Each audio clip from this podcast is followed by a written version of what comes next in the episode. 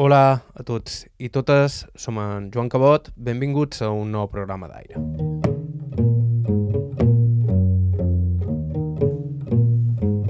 Antoni Vidal Ferrando és un dels escriptors més importants de la seva generació i una baula en una tradició literària particular, la que té com a focus el poble de Santanyí, a Mallorca, donant sorgit alguns gegants de les nostres lletres com Blai Bonet o Bernat Vidal.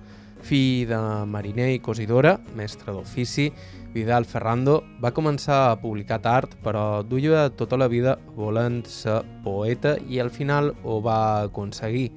També és un narrador excepcional, que ha sabut capturar com pocs la cadència i els tics de l'oralitat, captant l'esperit i els deixos de les històries que de petit escoltava explicar les matances o els vespres a la fresca. Ara jubilat, a punt de veure reeditada una de les seves novel·les més importants, Les llunes i els calàpets, Antoni Vidal Ferrando repassa amb nosaltres tota una vida dedicada a les lletres i ben arrelada a un poble santanyí on encara viu i que ha estat sempre la seva major font d'inspiració. Estau escoltant Aire a IB3 Ràdio, vos parla Joan Cabot. Començam. I ho feim amb les presentacions. Aquest és el nostre testimoni d'avui, l'escriptor Antoni Vidal Ferrando. I vaig néixer el 9 de setembre de 1945. Tot i que, si vols que te conti una anècdota referent a això, jo quan era petit, ma mare sempre me deia, si te demanen, has de dir que vaig néixer dia 10 de setembre. I jo vaig dir molt de temps, vaig néixer dia 10 de setembre. A l'escola, quan jo anava a escola de més petit, les cartilles d'escolaritat i tot això diuen dia 10 de setembre. Un dia vaig poder anar al jutjat a treure uh, un, una, una, una fe de naixement i deia 9 de setembre.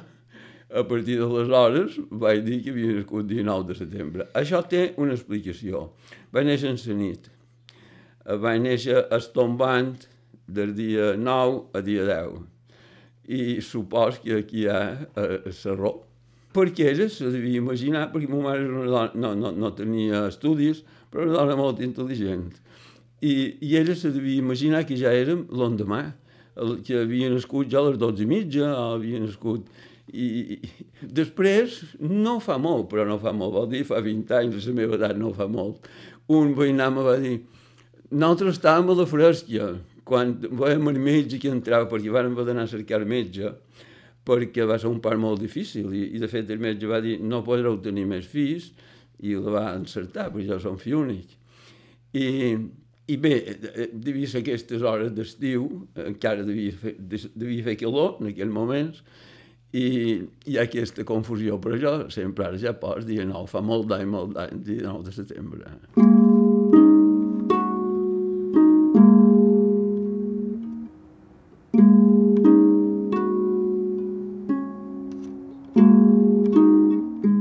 era brodadora. En aquell temps a Santanyí hi havia moltes brodadores. Uh, els estius, les, veus pel carrer estava ple de brodadores que sortien a la fresca a brodar. Mon pare uh, era, se'n va anar a la mà. Era, va, en els 40 anys se va fer patró, però en els 14 anys ja se va embarcar amb, amb, amb barques de bou, que, de, que en deien per aquí, barques de pesca, del lot de barca, i va anar sempre per la mà. Llavors, a, a, poc, a poc a poc, quan jo era petit, anava amb aquests motovalers de la naviera. Me'n recordo que anava amb un... Quan jo tenia 7 o 8 anys, va anar bastant de temps amb un motovaler que li deien el meu corazón. I, i, i després se va, se va, se va fer patró cap als 40 anys i sempre va ser patró fins que se va jubilar en, en, en els 60 anys. Va, va, va, va fer de tot va, va pescar, va anar en, en aquests, eh, en, en, en, en, en, en, de la naviera, i també va anar de contraband. A Santanyís contraband eh, anava davant de tot. N'hi havia fins i tot dins les tombes del cementeri, n'hi havia dins l'Ajuntament, n'hi havia a dins el solar de l'església. És que Santanyí era un poble molt, molt pobre molt pobre perquè tot eren grans propietats. Llavors la gent havia de fer de jornaler. Però mm, hi va haver un moment en el segle XIX que la població va augmentar moltíssim perquè se continuava en el mateix hàbit de tenir fills, però eh, ja hi havia avanços de la medicina i fills, així com un temps se morien, ja no se morien. I hi va haver un augment molt important de població. Aquí va haver d'emigrar. La gent havia d'emigrar. Eh, el meu padrí tenia cinc horterades i, i tenia cinc fills. I què feien després? On anaven? De què se vivien? I aleshores eh, s'anaven a la mà. Eh, mon pare a vegades deia, mon pare a vegades deia, diu la mà era, era poc xerrador, jo l'estimava molt, molt, mon pare. Era poc xerrador, però eh, i pots, me, recordo les coses que deia, diu, a la mà no guanyava gaire, diu, diu però el manco menjaven, se menjava bé. A la mà se menjava bé, en els barcos, a les barques de pesca, se menjava bé, ja era una cosa molt important en aquell temps, menjar bé. Sí. Després, en el contraband se va guanyar molt de dobbers. Molt. Mon pare, una temporada que, que era patró, ja devia tenir 12 o 13 anys, guanyava 5.000 pessetes cada mes si no feien cap viatge. I 5.000 pessetes per viatge. Això devia ser l'any 56, 57, 58. I jo recordo, perquè he perdut molt la memòria, però si te recordes de quan eres petit. Recordo que hi va haver un mes que va fer tres viatges i va, i va guanyar 20.000 pessetes. Sí, això era una quantitat eh, eh, enorme. És que era un honor anar de contraband. En el poble veia com, com un honor, era, era un prestigi. Eh, eh, eh, quan, quan venien les barques a descarregar, els que fes que quedaven buits tots els joves del poble, tots els homes, anaven a, a descarregar eh, contraband a la vorera. Però la veritat és que era un contraband de tabac i cafè fonamentalment, i llavors peces de nilon, eh, coses de motors, eh, no, no, contraband de droga no. Me va contar en Gorimí, eh, senador, que quan va venir a Tsoe, quan va venir a Tsoe, eh, van enviar a dir aquí, escoltau, eh, a les forces, les forces de repressió del contraband, que també estaven patades perquè era impossible, no? perquè allò era tot, tot u. S'ha acabat. Per favor, digueu que s'ha acabat el contraband. I que eh, els caps de, de la Guàrdia Civil van reunir els caps del contraband a una posició de la Serra de Tramuntana i van xerrar i van dir de Madrid diuen que s'ha acabat el lot i, i s'haurà d'haver acabat. I els xats dels contrabandistes van dir no en poden parlar un poc. I diu, parlau el que vulgueu, però això és així, eh? I van xerrar i algú, me deien Gori, que algú havia esmentat, i, i si fes un uh, contraband de droga. I van xerrar i van... No, no, no, no, no, no, no farem contraband de droga ja mos dedicarem a la construcció. I això va acabar un poc així, d'aquelles hores.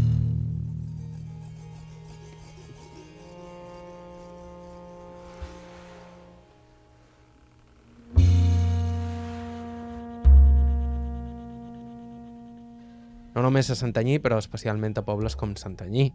El contraband va ser una activitat increïblement estesa i, com explicava Antoni Vidal Ferrando, inclús ben vista, una forma de guanyar-se el pa en un entorn realment hostil per una majoria de població que no tenia terres. Entre l'any 1868 i l'any 1920 hi va haver una migració per no tornar de quasi 2.000 persones perquè aquí no s'hi podia viure. Eh, la vall, que, ten, que, que tenia eh, eh quasi 5.000 hectàrees, el va tenir en un moment determinat, després se va anar dividint una mica, llavors venia el Rafael d'Esports, llavors venia la Homonia, llavors venia Sant Mollà, de la colònia de Sant Jordi, que en aquell temps era, era... Les Salines va ser de, de Santanyí fins a 1924, fins a, a, a, el poble, Eh, eren eh, quatre grans possessions, tot era de, de, de senyors, de la noblesa, que després també eh, un, hi ha un símbol del trànsit de, de, de l'antic règim al nou règim. I és quan el marquès d'Espalmer ha de vendre la vall en en Joan Marc, que això era de 1909. Jo encara record haver anat a Palma en, en, en, en, en el cotxe de línia, en, sa, en una de les danses exclusives, uh, i, i, i la carretera no estava ni asfaltada. Però jo, jo, uh, jo no, no recordo un poble conflictiu. Jo, la meva infantesa, jo vaig ser un, no diré la paraula feliç, però que, que no, que sempre m'ha agradat viure aquí, des de que vaig néixer, des que tinc eh, eh, records, els, primers records, jo sempre m'ha agradat viure en aquest poble. I, i encara ara som so, so molt localista en aquest sentit, i no sabria viure en un altre lloc. La gent eh, se feia molt. El veïnatge al meu carrer, la meva segona novel·la, La mà al jardiner, és un poc la recreació de la morfera, el que va ser el carrer on jo vaig passar els meus primers vuit anys i, i, i tu entraves dins el veïnat com si fos dins que teva, i te donaven berenar, i si, te, i si estaves malalt, de, bé, jo ja te diré donar menjar en esports. Eh, hi havia una relació així molt... I jo, mm, que, que, que, va, que la meva família va, va ser molt afectada per, per la repressió franquista, però no en sentíem parlar, jo no, no en tenia sensació, fins que vaig ser més gran. La gent no en xerrava de la guerra, Mon pare eh, ja havia fet el servei militar a Menorca, anava amb una embarcació de contraband, i eh, no sé si era seu Tom Melilla, és curiós, però eh, no el mateix, però seu Tom Melilla, un dels dos llocs, hi va anar a la Guàrdia Civil, i va dir, Andreu Vidal, eh, en el front, i jo, jo, jo ja he fet el servei militar, i, però has d'anar en el front. No, però si jo he fet... Bé, en el front a la presó. Bé, en el front. I el van dur a un front d'Andalusia. Mon pare deia, això no contava mai. Això, jo, jo li, quan, quan era vell vaig dir un dia, i el vaig gravar, mon pare m'has de contar, perquè mon pare era dels homes més sedentaris que te pots imaginar i l'home que havia viscut més aventures que te pots imaginar. La vida t'empenyia. El van dur un front d'Andalusia mon pare li deia un front mort perquè a una banda hi havia els, nacionals, els, els, els, els insurrectes, i l'altra hi havia els, els soldats de la república. Però no, se, no disparaven. I jo crec que ell no ho deia en això, però jo després he, he anat filant, que el devien dir, passeu-vos aquí, passeu-vos a, a, a la legalitat. I mon pare se va passar en el front de la república. Quan va acabar la guerra, van, van, a poc a poc van anar retirant, van anar per allà a guardamar del Segura. I els cats militars van dir, eh, lots, han perdut la guerra, ja, ja que se salvi així com pugui. I ells van començar a caminar per anar a Barcelona, a peu. Caminaven en la nit, vestit de soldat, no tenien els espús, i, i caminaven en la nit i s'amallaven i menjaven de, de lo que trobaven per fora vila. Van arribar a València i els van tancar a dins la plaça de, de, de toros de València. I només les donaven taronges. Entraven, barco, eh, entraven camions eh, eh, i, i, i, i una camionada de taronges i, i ja vos arreglareu. Un dia van obrir la plaça de toros i la gent va començar a fugir Mon pare va començar a fugir, va tornar a seguir a partir per anar a Barcelona. Bé, eh, van poder finalment agafar un tren i van arribar en el tren.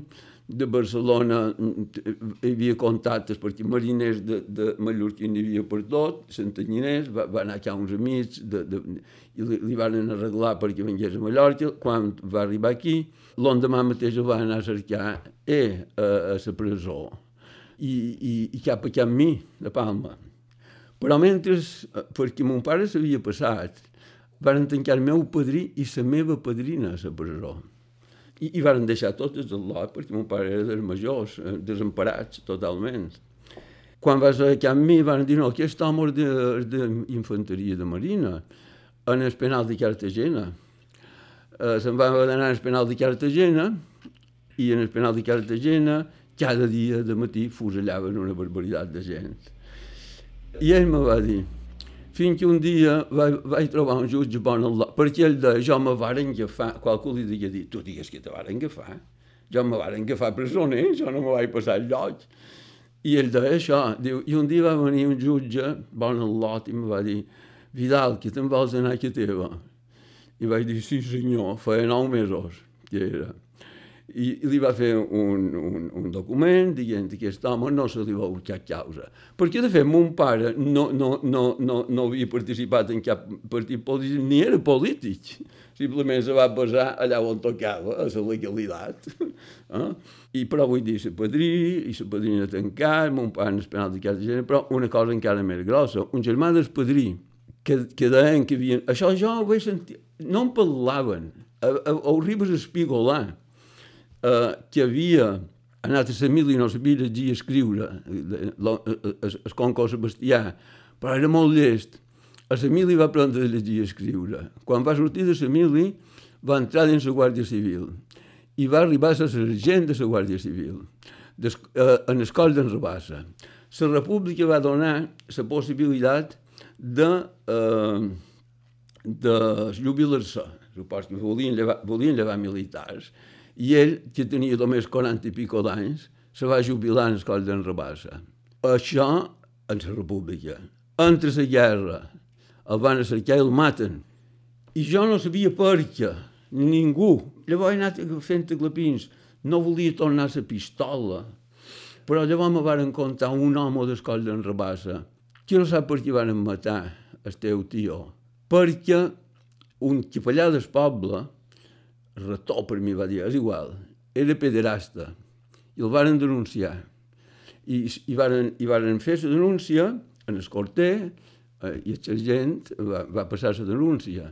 Ahí va anar el, el, el, el, el capellà i li va dir, eh, Sebastià, lleva aquesta denúncia. Déu, va dir, jo no lleu res. si t'han denunciat, t'han denunciat, què vol que faci? I ve, ve, ve el cop d'estat, ell ja estava jubilat i, i, i, es, i esclar, va anar en els falangistes i els va dir, eh, no, no vull testimonis. en Sebastià Mateu-lo i van matar. El van trobar mort dins una cuneta. I sabeu que digueren això és sergent. I no va estar dins una cuneta, llavors. El van trobar, eh, eh, estava enterrat dins una tomba, qualcú diria, enterrar-lo dins una tomba, però el van agafar dins una cuneta. Vull dir, però eh, no se'n parlava. Mo mare qualque vegada me deia qualque cosa, com que mo mare i jo estaven sempre junts, perquè mon pare navegava molt, sempre l'enyoràvem, sempre vaig, record que enyorava mon pare, que enyorava mon pare, que mon mare estava molt enamorada de mon pare. I mo mare qualque pic de qualque paraula. Me'n record que per aprovar la formació de l'espíritu nacional, eh, quan jo vaig començar el batxiller, si anaves a un campament, no em portava els examinacis i t'aprovaven, i jo vaig dir, jo vull anar al campament, era primer, jo devia tenir, perquè vaig començar molt jove, no sé si havia fet els 10 anys o 10 anys, i per, for, per, per aprovar la formació de l'Espíritu Nacional, i, i, i, i a la falange me van donar un quilsons i una quimia de falange, i, i, i ma mare quan va arribar aquí a nostra em va dir lleva aquesta camí de, de, lleva aquesta camí davant jo, que no la puc veure, a Magaló. No vaig tornar a pus també, vaig quedar escalivat. Tot allò, aquella parafernàlia, aquell fanatisme polític, jo tenia abans i me va frir profundament la sensibilitat. No vaig anar mai més de falanges, ni de campament, ni de camies. La sensibilitat d'Antoni Vidal Ferrando ja començava a esmolar-se en aquells temps. Des de ben petit va quedar clar que tenia facilitat per als estudis i, de fet, la seva vocació de mestre va traspoar ben prematurament. Vaig anar a escola en el poble i quan tenia 9 anys, els mestres van dir, aquí a nostre, van cridar aquí a nostre, van dir, aquest lot eh, serveix per estudiar, serviria per estudiar. Jo me'n recordo que ma mare i mon pare em van xerrar i pare, que jo l'estimava molt, molt, molt, i molts en vam entendre sempre molt, però en aquell moment va reaccionar i va dir i nosaltres com podem pagar estudis?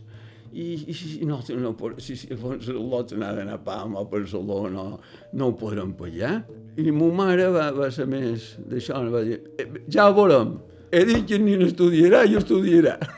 I jo vaig començar a estudiar batxiller en els mestres, i mos anàvem de, de Santanyí, i del qual guard un excel·lent record, i, i mos examinaven lliures.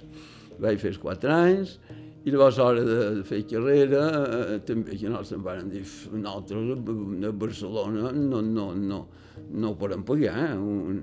Però jo sempre pensava, jo només sabria fer de mestre. Jo diu, jo de metge jo no hi sabria fer, de bollat jo no hi sabria fer. Me'n recordo que tenia aquesta sensació. I ja tenia una vocació especial de, de, perquè me feia il·lusió fer de mestre, que ha estat una cosa de la qual estic molt content eh, d'haver fet i, i, i, i el mestre ja està un poc frustrat. Jo he estat molt feliç fent, fent de mestre. I, I quan vaig tenir 15 anys, me'n vaig anar a fer primer de magisteri.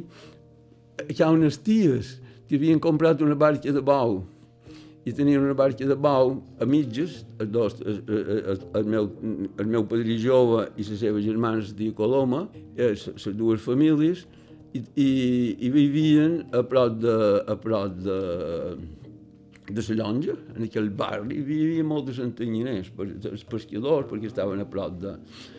I vaig fer tres anys, i en els 17 anys era el mestre clar, i era això d'estudiar, d'aprendre un poc, de, de, de, de, i ja era mestre. En els 18 anys jo tenia oposicions. I, i com que faig els anys per setembre, el mes que feia els 19 anys, me'n vaig anar a Menorca a fer de...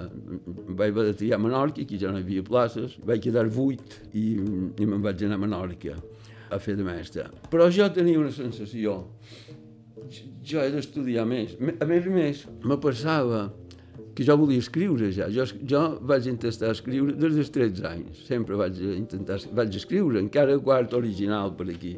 No m'atreveix que crema l'or, però jo no voldria per res que apareguessin. Però és que com si, si, si pegués el foc en aquell lot, que tenia aquelles il·lusions d'escriure de, de, i no se'n sortia de cap manera. I jo vaig dir, un dia amb Bernat Vidal, que va ser molt important, jo vaig tenir una sort enorme, viure un poble on hi havia en Blai Bonet i en, en Bernat Vidal i Tomàs. De, de manera molt diferent me van influir moltíssim. Llavors jo vaig dir d'estudiar més.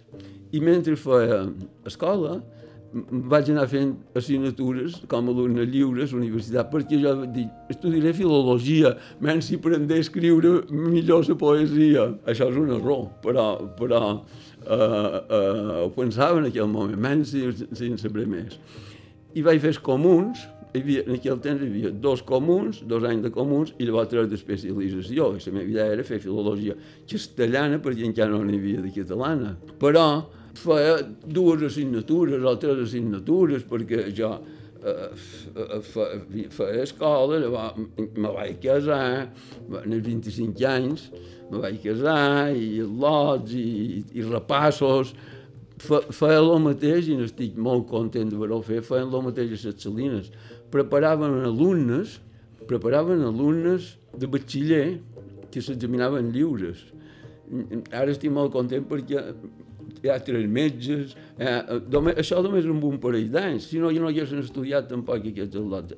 Quasi la meitat més són professors, són, varen fer aquesta, aquesta, aquesta feina. I quan van posar a la Universitat de Palma, me vaig, matricul, vaig anar a matricular-me i me varen dir, i vaig dir, bé, jo mm, tinc els dos comuns, vull fer especialització de què?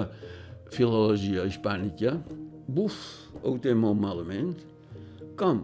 Sí, però jo tinc... No, no ho entendré mai en això que em va passar. Diu, si volguessis fer història, te podries matricular de tercer.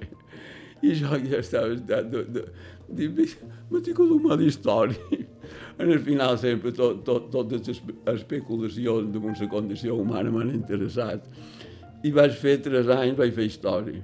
Llavors aquí sí que va ser més fàcil acabar. Vaig acabar el 78 i jo devia tenir 33 anys. I llavors ens van engrescar en la història. Van fer una història de els que havíem acabat, perquè molts eren majors, que, que estudiàvem, aprofitant que hi havia universitat. I llavors hi havia eh, necessitat, eh, ningú sabia res de la història del país. Van dir de fer una història de Mallorca de divulgació i actualitzar-la, perquè les històries de Mallorca han quedat antigues. I ho van fer un grup, ens van dividir, i van fer pel treball i els dies una història de Mallorca en tres volums, per, per, per posar al dia, perquè, clar, si, la gent no coneixia el, el passat perquè això, això estava reprimit per la dictadura. Era una manera també de començar a obrir els camins de la democràcia, que, que, que encara no n'hem obert ni la meitat, però bé, anar fent. I, i, i, vaig quedar enganxat en la història. I, jo a vegades caminava, i de, anava a caminar o, o anava a pescar, i de, tota la vida havia begut ser escriptor, i ja, ja no escriurà mai, me pensava que no. I un dia de cop i volta vaig fer un poema i, i ja he dedicat tota la meva vida, ja no he pogut deixar d'escriure mai més. Era Antoni Vidal Ferrando, escriptor mallorquí, nascut al 1945 a Santanyí. En uns segons toca escoltar-lo parlar precisament de literatura. Abans, però, fem una breu pausa.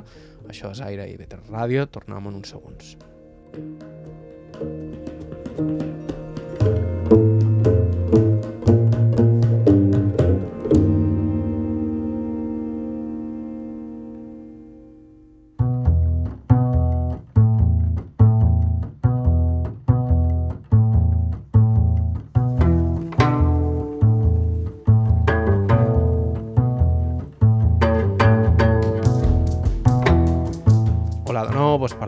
Cabot i Xosaire, avui amb un testimoni excepcional, el de l'escriptor Antoni Vidal Ferrando, nascut a Santanyí, poble que ha servit sempre de font d'inspiració per al seu treball literari, un treball al qual es dedica ara quasi a temps complet, després de jubilar-se com a mestre. Jo volia fer oposicions de, de, de professor d'ensenyament mitjà, però vaig dir, jo he vist tan bé Santanyí, teníem aquesta casa, tal, i bon manera d'anar ara, i tal tenia, havia, havia comprat tot, tots els temaris i ja estudiava per, perquè podies entrar si eres mestre i llicenciat directe catedràtic.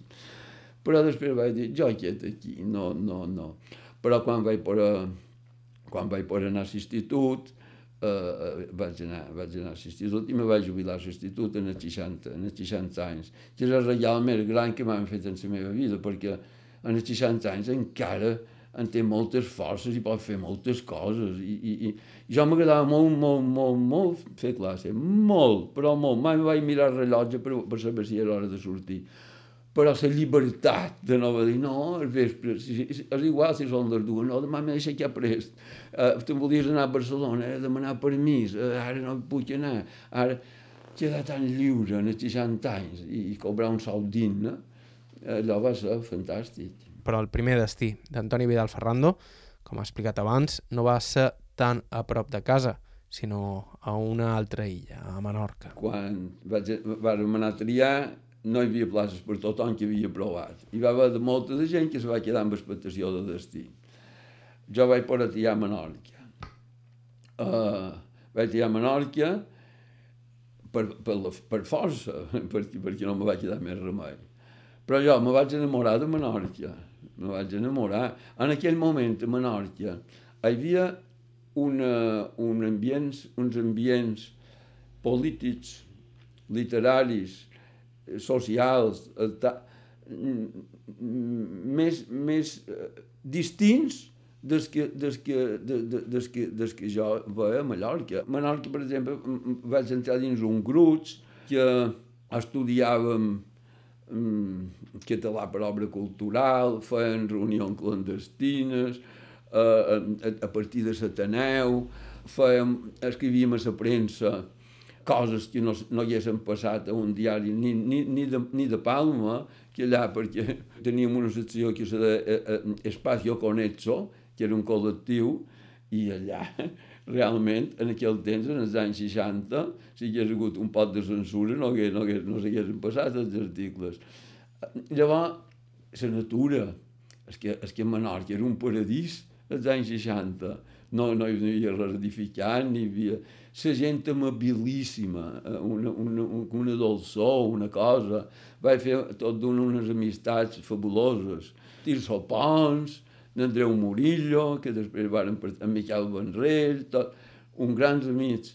Amb en Pons mos hi van fer després perquè és molt més jove, té també 11 anys més, amb en Joan López, que és el poble que s'ha mort, eh, mos van conèixer perquè jo vaig seguir anant a Menorca. però un poc eren més joves ells. En aquell moment no, no. Amb en Tirso anàvem a ballar cada diumenge en, el mateix, en la mateixa sala de festes, que, que se deia Sésamo. Quan jo vaig arribar a Menorca, eh, em va sorprendre molt perquè hi havia una pissarra a Sésamo escrita de fora que deia jo, jo m'agrada molt ballar, sempre m'ha agradat molt ballar. I deia, el próximo domingo gran baile con la llegada de un nuevo contingente de italianas.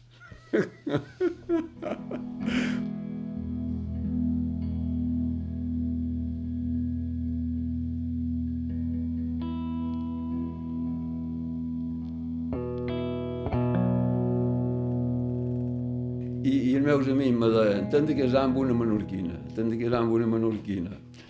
I sempre m'ho deien. I no, no me van casar amb cap menorquina. Vaig venir a Santanyí i me vaig casar amb una menorquina que vivia a Santanyí. Son pare havia vengut, eh, eh, era brigada de la Guàrdia Civil, se va jubilar també en els 40 i pico d'anys, que en sap també de la, la Guàrdia Civil. Era, era, era difícil a Santanyí estar a la Guàrdia Civil, perquè estaves enmig de dels focs sempre, els, els militars també. I van quedar viure a Santanyí perquè sa mare, son pare se'n volia anar al mitjon, i sa mare, que era la mitjonera, i que estimava molt les germanes i el mitjon, va dir, Simón, anem al mitjon, els, els nins no estudiaran, tenien tres fills, dos germans i una germana, la meva dona. I van quedar a viure a Santanyí, a posta perquè per sa mare volia que poguessin estudiar, i aquí preparaven lliure i, i, i jo després me vaig casar amb la meva dona, que era menorquina. Al final ho eh, van aconseguir els meus amics i, i, i és el millor que he fet en la meva vida.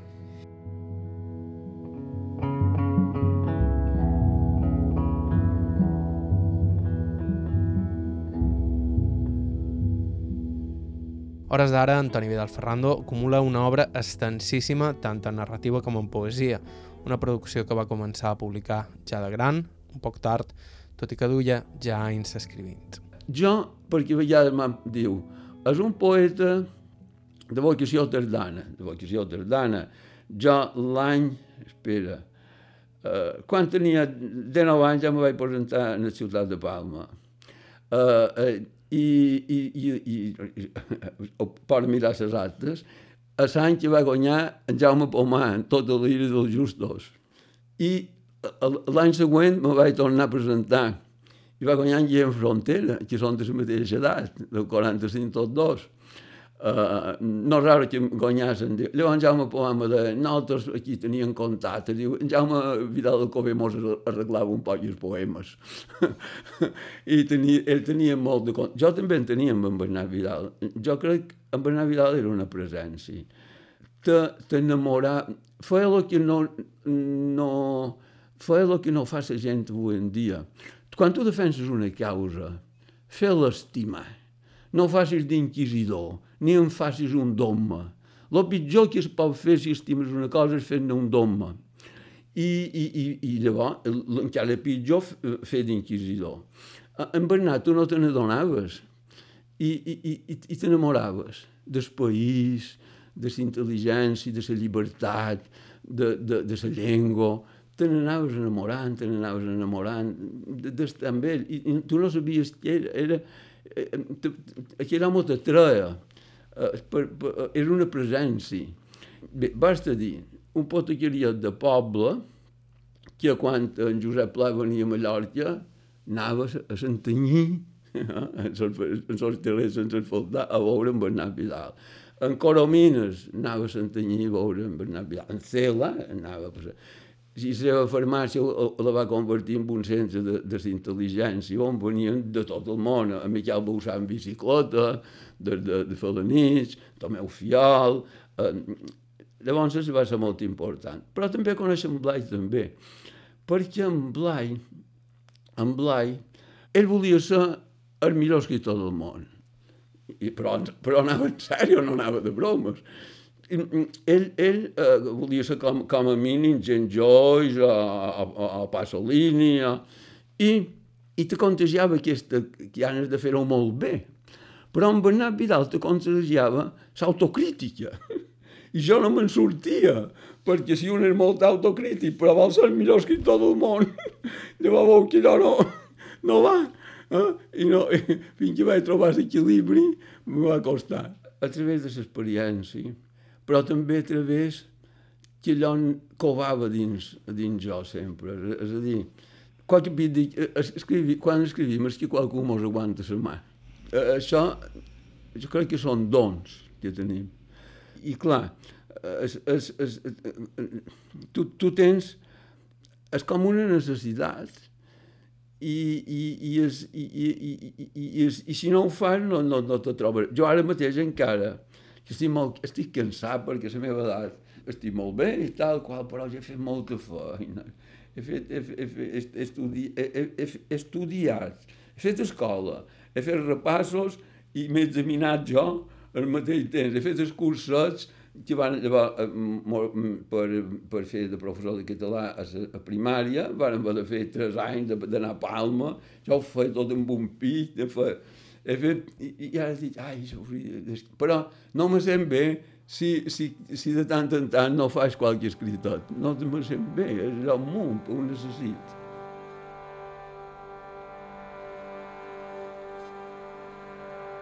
Santanyí, com han dit, ha estat sempre una font d'inspiració, sobretot pel que fa a les històries que contava la gent quan Antoni Vidal Ferrando era petit i que ell escoltava amb atenció. A, a, en el fons, les meves novel·les, tot són històries que he sentit contar. Tot, no. Uh, jo, quan escric, escric sempre de, de dos punts de vista, des de tres punts de vista. El que passa en el món en aquell moment, això sempre m'afecta. Què està passant en el món? Què m'està passant a mi? I què passa en el meu país? Les tres coses. I això sempre és molt present. Però jo, però jo quan, quan, des de molt petit, m'agradava molt sentir contar coses. En aquell temps, quan jo era petit, per exemple, el dia de les matances, quan, estava, quan anaven a estar a la fresca, els estius sortien tots a la fresca, no passaven cotxes mig del carrer. Uh, en, a dins el cafè, uh, a moments especials, sempre hi havia gent que contava històries històries. Jo m'encantava sentir aquelles històries. Me van afectar molt aquelles històries. El que jo conto és a partir de les meves, de les meves històries personals, però de les que m'han contades moltíssimes. Els he mitificades. No m'ha interessat mai saber si era vera o mentida. I a més, si jo després anava a cercar aquesta història era exactament així, tal i qual, etc., eh, ja, ja perdia la creativitat. No, no, a partir d'allò tu crees. Allà ha la llavor. I llavors tu eh, eh, fas la planta, així com, així com te surt, perquè, perquè també, entre altres coses, la literatura és llibertat. Aquesta llibertat, jo, jo estim profundament la llibertat, profundament. I, I aquesta capacitat, perquè jo me passava quan investigava, quan, quan, perquè després jo vaig fer una tesina que me va durar cinc anys, que podia ser perfectament una tesi doctoral, damunt la població i la propietat de la terra en el municipi de Santanyí. Però, clar, quan t'investigues, eh, tu no pots parar el que vols, has de parar el que diu el document. I això me sentia... I a més has de saber eh, quines són les tendències de la història en aquell moment. I has d'escriure segons les darreres tendències de, de, de, de, de la ciència que tu cultives. I has de saber de què en diuen d'allò, eh, eh, perquè si tu fas Santanyí serà una cosa absolutament localista, no, això com s'estudia a Europa, com s'estudia en el món, com, quins són els darrers. I de ser format, per, perquè no pot crear, si és creador no pots crear. En canvi, quan, quan, quan fas creació, no te sé format. Això m'han contat així, doncs jo ara ho diré eh, així, diu que, que, que era volent, jo ara serà covard. Ara, va fer el que te dona la gana perquè no passa res, no, no. Jo no he intentat mai.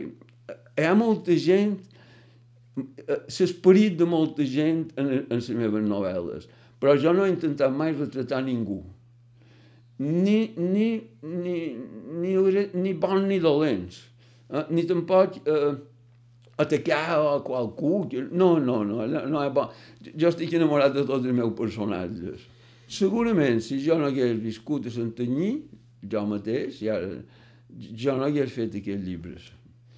Però tenint en compte que pens que el més contrari del món a l'art és el localisme. Allò no és localista, però, però ha begut d'aquí. A partir de, de, de lo que jo he sentit contar, això estat molt important a l'hora d'escriure. Perquè quan tu escrius és per conèixer millor el món també, per conèixer-te millor tu mateix. I, i com, com, per, com, ho, com ho aconsegueixes? Perquè guaites per finestres que no guaites mai en la raó. És a dir, Uh, uh, si, si jo puc veure... Uh, nosaltres normalment sempre miram el món a través de les mateixes finestres. Quan uh, escrius, intentes mirar-lo a través d'altres llocs, a lo millor a través d'un globus que és en l'aire, a lo millor uh, uh, miram el món uh, es, es, un, un, no el mateix mirar-lo un dia de festa que, que un dia que plou, que un dia... I tu, i tu intentes mirar-lo a través de moltes perspectives noves que no són les habituals i enriqueixes la visió del món de tothom. Perquè tenim tendència, repetir, sempre goitar per la mateixa finestra. I, i, i, i, això, i això tu, a tu mateix llavors dius, ah, eh, quan, tu, quan ho t'hem fet, tu mateix has enriquit el coneixement de tu i el coneixement de, de, de, de, del món que habites. Això és una de les finalitats de les finalitats de l'art. I, i, i l'art també ha de ser tan obert que cadascú l'ha de poder interpretar segons la seva manera de ser i, i, segons, i segons les seves necessitats. Uh, això és la grandesa de l'art. I, i la grandesa, jo sempre dic, la grandesa més, més, més, més extraordinari que jo no la comprenc de l'art és poder convertir qualsevol tragèdia en plaer estètic. És gros això, que tu, de la tragèdia més, més, més inimaginable, de la injustícia més inimaginable, tu em puguis convertir en un plaer estètic. No? Això és, és, és com un miracle, això és que ni ho entenc.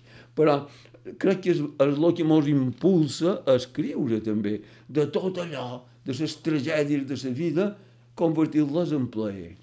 És hora que la fas i és hora que la gent la llegeix.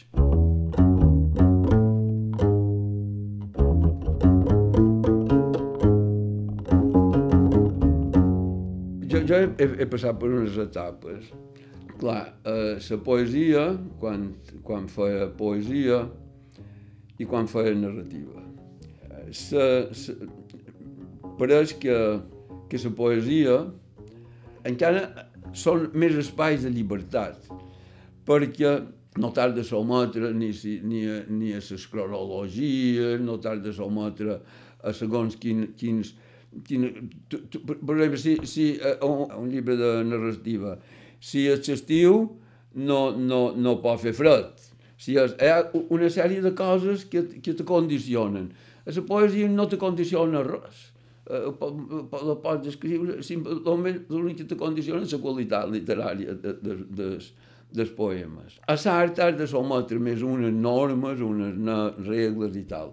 I, I això ja ho vaig fer una temporada. Però, però darrerament, les meves dues darreres novel·les, eh, meva, la ciutat de ningú i quan el cel embogeix, jo vaig dir, men, Toni, no series capaç de, de fer simplement literatura oblidar si és poesia o narrativa, simplement fer una obra literària. I ho vaig intentar, i crec que m'hi vaig aproximar. Allò no és narrativa ni, ni és poesia, és literatura. Fas experiment per no repetir-te. Jo he hagut autors que m'han agradat molt i llavors els he arribat m'han arribat a cansar perquè sempre, sempre diuen el mateix i de la mateixa manera jo també he arribat a la conclusió que sempre escrivim el mateix llibre. El que no, ha de, no, ha de, no ho hem d'escriure mai de la mateixa manera. Repetiré allò, mai hem de goitar per la mateixa finestra. Eh? Perquè si no cansa, ja m'ho has dit, ja està bé, ja ho sabia.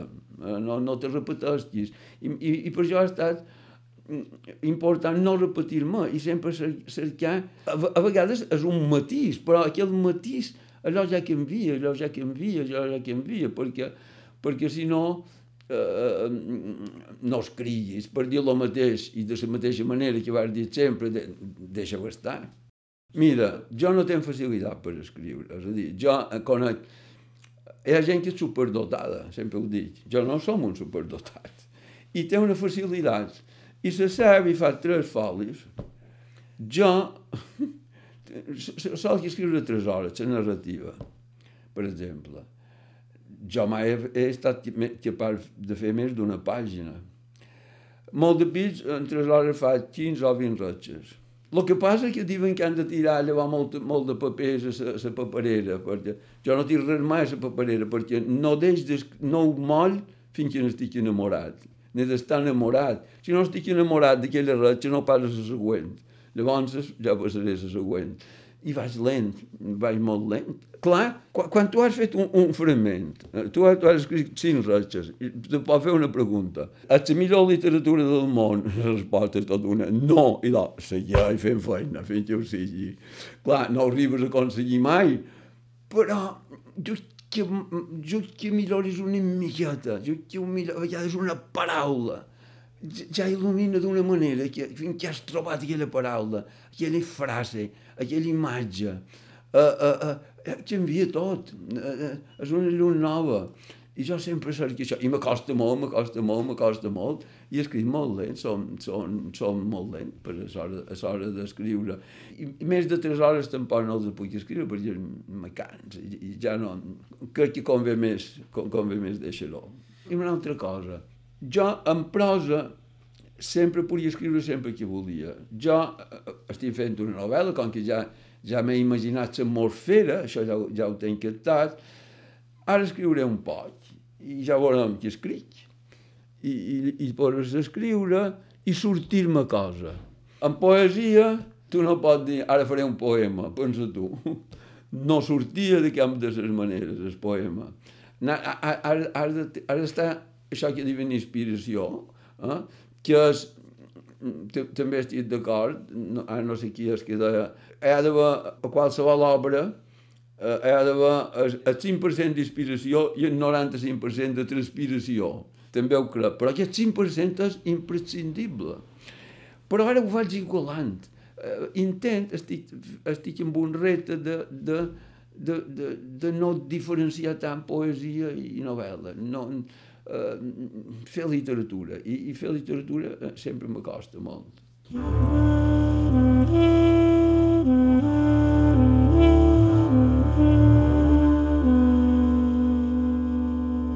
I fins aquí el programa d'avui. Moltíssimes gràcies a Antoni Vidal Ferrando pel seu temps i amabilitat i moltes gràcies a Tomeu Canyelles que va ser qui ens va suggerir l'entrevista i ens va posar en contacte amb ell. Sempre estem cercant testimonis interessants, així que si teniu alguna proposta o suggeriment ens podeu escriure a aire.ivetresradio.com aire.ivetresradio.com Podeu accedir a tot el nostre arxiu i vos podeu subscriure al nostre podcast a qualsevol dels agregadors disponibles i a ivetres.org barra carta. La música que faig servir habitualment és de Joshua Abrams, Natural Information Society, Serum, Marisa Anderson amb Jim White, Oren Ambarchi, amb Johan Berlin i Andreas Berlin i Charles Rumbach. Bàrbara Ferrer, a la producció executiva, us ha parlat Joan Cabot. Gràcies per ser a l'altre costat i fins la setmana que ve. thank you